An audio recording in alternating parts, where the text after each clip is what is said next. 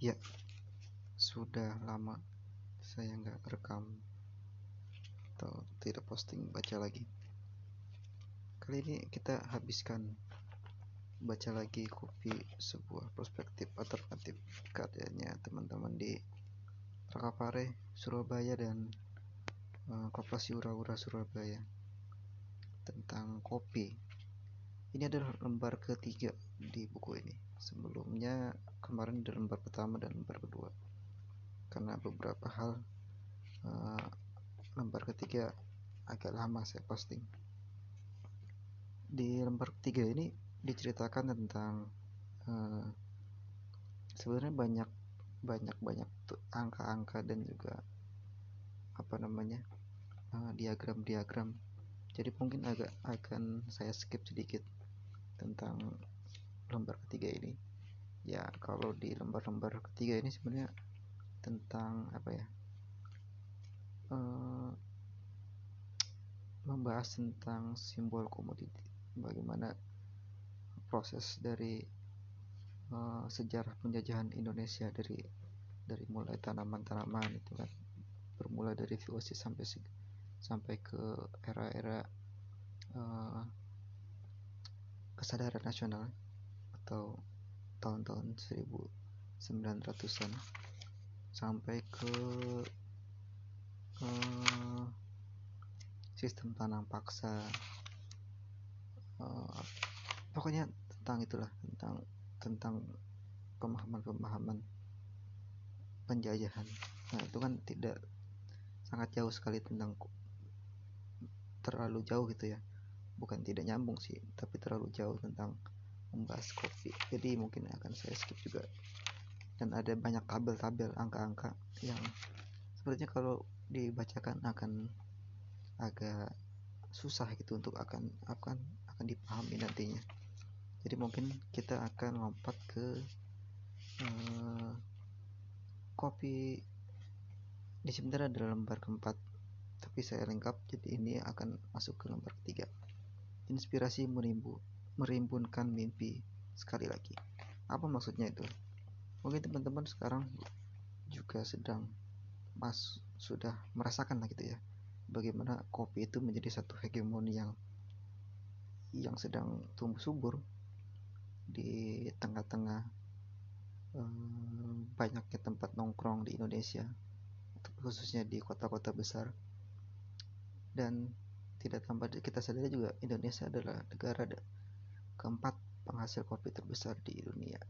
Tapi tidak sejalur tidak sejalan dengan uh, kemampuan para petaninya yang um, tidak teredukasi dengan baik. Dan juga peminum-peminumnya yang mungkin saja hanya sekedar ikut-ikutan aja gitu minum kopi. Itu adalah salah satu bangsa pasar yang sangat besar apalagi anak muda di Indonesia ini sekarang banyak banget kan jadi ya jadi pasar yang sangat besar untuk industri kopi yang ada sekarang. Dan ini adalah salah satu uh, dan juga sejalan, sejalan juga dengan cara-cara teknik pengolahan kopi ya kan? Teknik Vietnam drip, V60 atau Aerofresh segala macam. Ini seolah-olah alat-alat itu datang ke Indonesia memborbardir uh, kedai-kedai kopi di Indonesia. Tapi bagaimana dengan sistem pengolahan yang sebenarnya mungkin kita miliki di Indonesia? Uh, seperti pengolahan tradisional kopi mungkin kalau kita tahunya tubruk gitu aja. Tapi di sini di buku ini akan kita dibahas tentang ada cara-cara yang ternyata di Indonesia sudah mulai dikembangkan dari mulai tradisional gitu kan. Dan juga uh, bisa menjadi alternatif cara pengolahan kopi yang baru. Di luar daripada teknik-teknik yang menggunakan alat-alat impor. Ya kita lanjut. Sedikit-sedikit kita akan bahas ya tentang buku ini.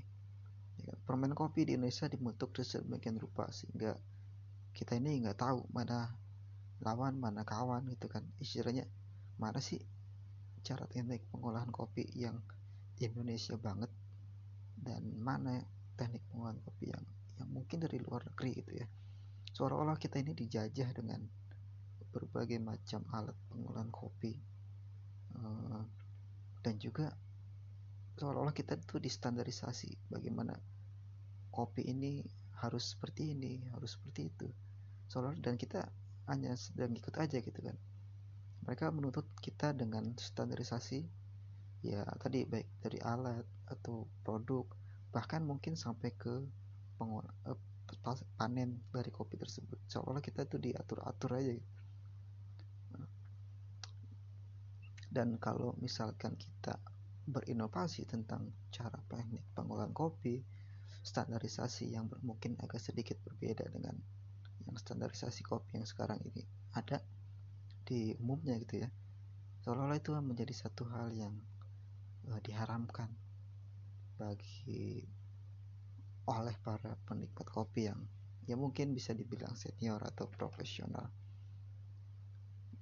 Kita dianggap tidak uh, memperbu atau memperburuk kualitas kopi dan dan ini membuat apa ya ya tadi membuat para petani di Indonesia itu kurang teredukasi seolah-olah kita mengikuti standarisasi orang orang luar maksudnya. Itu membuat uh, ya petani kita ya mengikut-ikut aja gitu kan. Kenapa harus seperti ini? Kalau itu tidak tidak dipaparkan? Nah dari mulai petani sampai ke kawan-kawan kita yang mungkin berasal berasal dari nasib yang sama kini berubah menjadi penjajah itu sendiri. Banyak kedai-kedai kopi yang seperti itu sekarang. Para pembeli menceritakan narasi dominan. Ya itu ya tadi seperti itu ya. Sini ke bawahnya juga banyak tabel jadi ya kita lengkap-lengkap aja. Ya. nah para inovator dalam kopi berusaha melawan narasi dominan tersebut. Berusaha membatalkan standarisasi kopi karena kita bangsa Indonesia yang telah mengalami penjajahan pahit uh, akan kopi, mengadopsi budaya kopi menjadi budaya kita sendiri. Berhak untuk mengembangkan bus budaya tersebut bukan melalui standarisasi yang bahkan kita tidak tahu mengapa saja. Mengapa itu ada? Ya kan kita nggak tahu kan standarisasi kopi itu sebenarnya dari mana. Yang enaknya itu ada di mana. Atau uh, apa maksudnya? Uh, ya pokoknya standarisasi kopi itu kita tidak tahu lah kapan dimulainya itu kapan di dipublisnya tapi beberapa kopi di kedai kopi yang ada di uh, Jogja itu agak esentrik dengan uh, membuat salah satu prinsip mereka yaitu mereka tidak menolak gitu alat-alat impor yang yang biasa mainstream kita lihat Nah, salah satunya adalah kedai kopi white. Nah, ini salah satu yang pemiliknya berasip memproduksi alat seduh kopi. Uh, ya intinya kopi bukan menjadi fokus utama di, kedai ini. Tetapi semangat penolakan akan alat seduh impor, kopi white banyak memproduksi alat seduh sendiri. Apa tuh kayak gimana tuh? Yang banyak dibuat dari produk alam. Ya mestinya kebanyakan dari bambu sih. Kalau seperti ini dan juga produk-produknya mungkin ada juga produk besi tapi yang yang mungkin yang lebih awetnya ya. Meski tidak selalu steady stock uh, Nur Asif ini akan bersedia membuat pesanan yang uh, yang kita minta.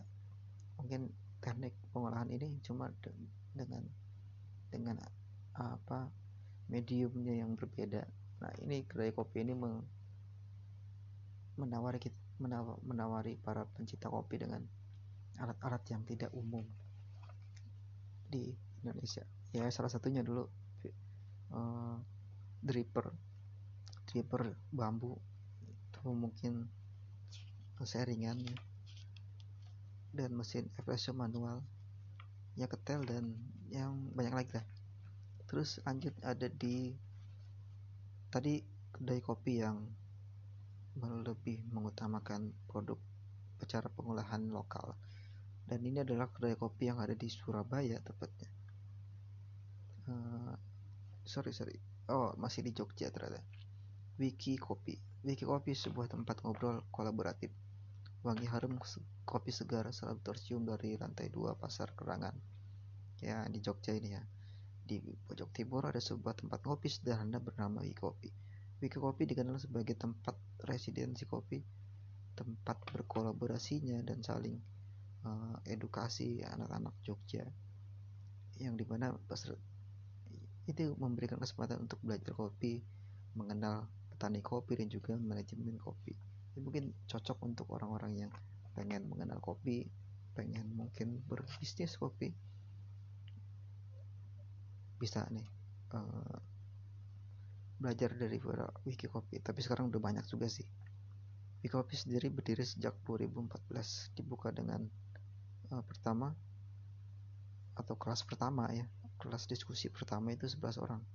Jadi di wiki kopi ini tidak menitik beratkan tentang uh, berbisnis saja tapi membuat orang-orang yang tertarik dengan kopi dibuatkan kelas untuk belajar kopi. Jadi di Wiki Kopi ini membuat itu. Membuat kelas-kelas pembelajaran tentang kopi.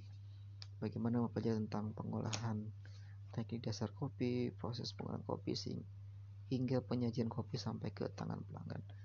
Namun yang berbeda adalah ketika Wiki Kopi mengandeng petani untuk berkolaborasi.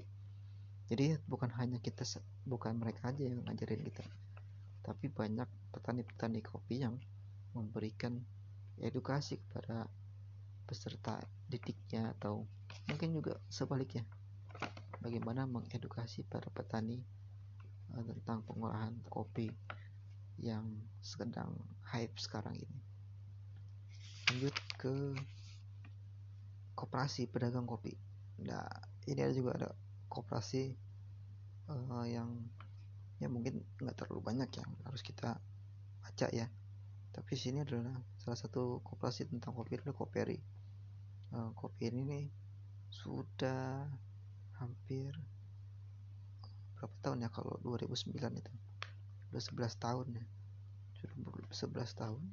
Dari mulai cuma sekilo dua kilo. Sampai di selama apa namanya uh, buku ini dicetak tercatat sudah 70 ton setiap bulannya. Dari mulai sekilo sekilo. Dan ini dibentuk oleh seorang wanita. Uh, Rahmah namanya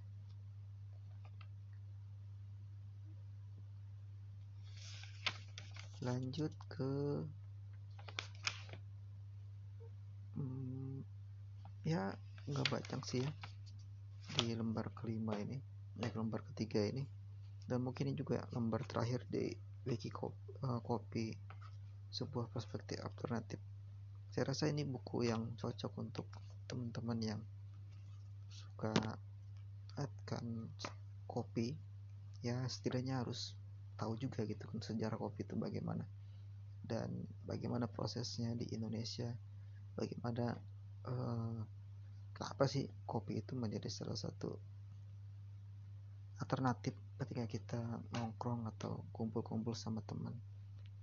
Dan sangat melekat sekali dengan uh, kopi ini menjadi teman kita saat berdiskusi.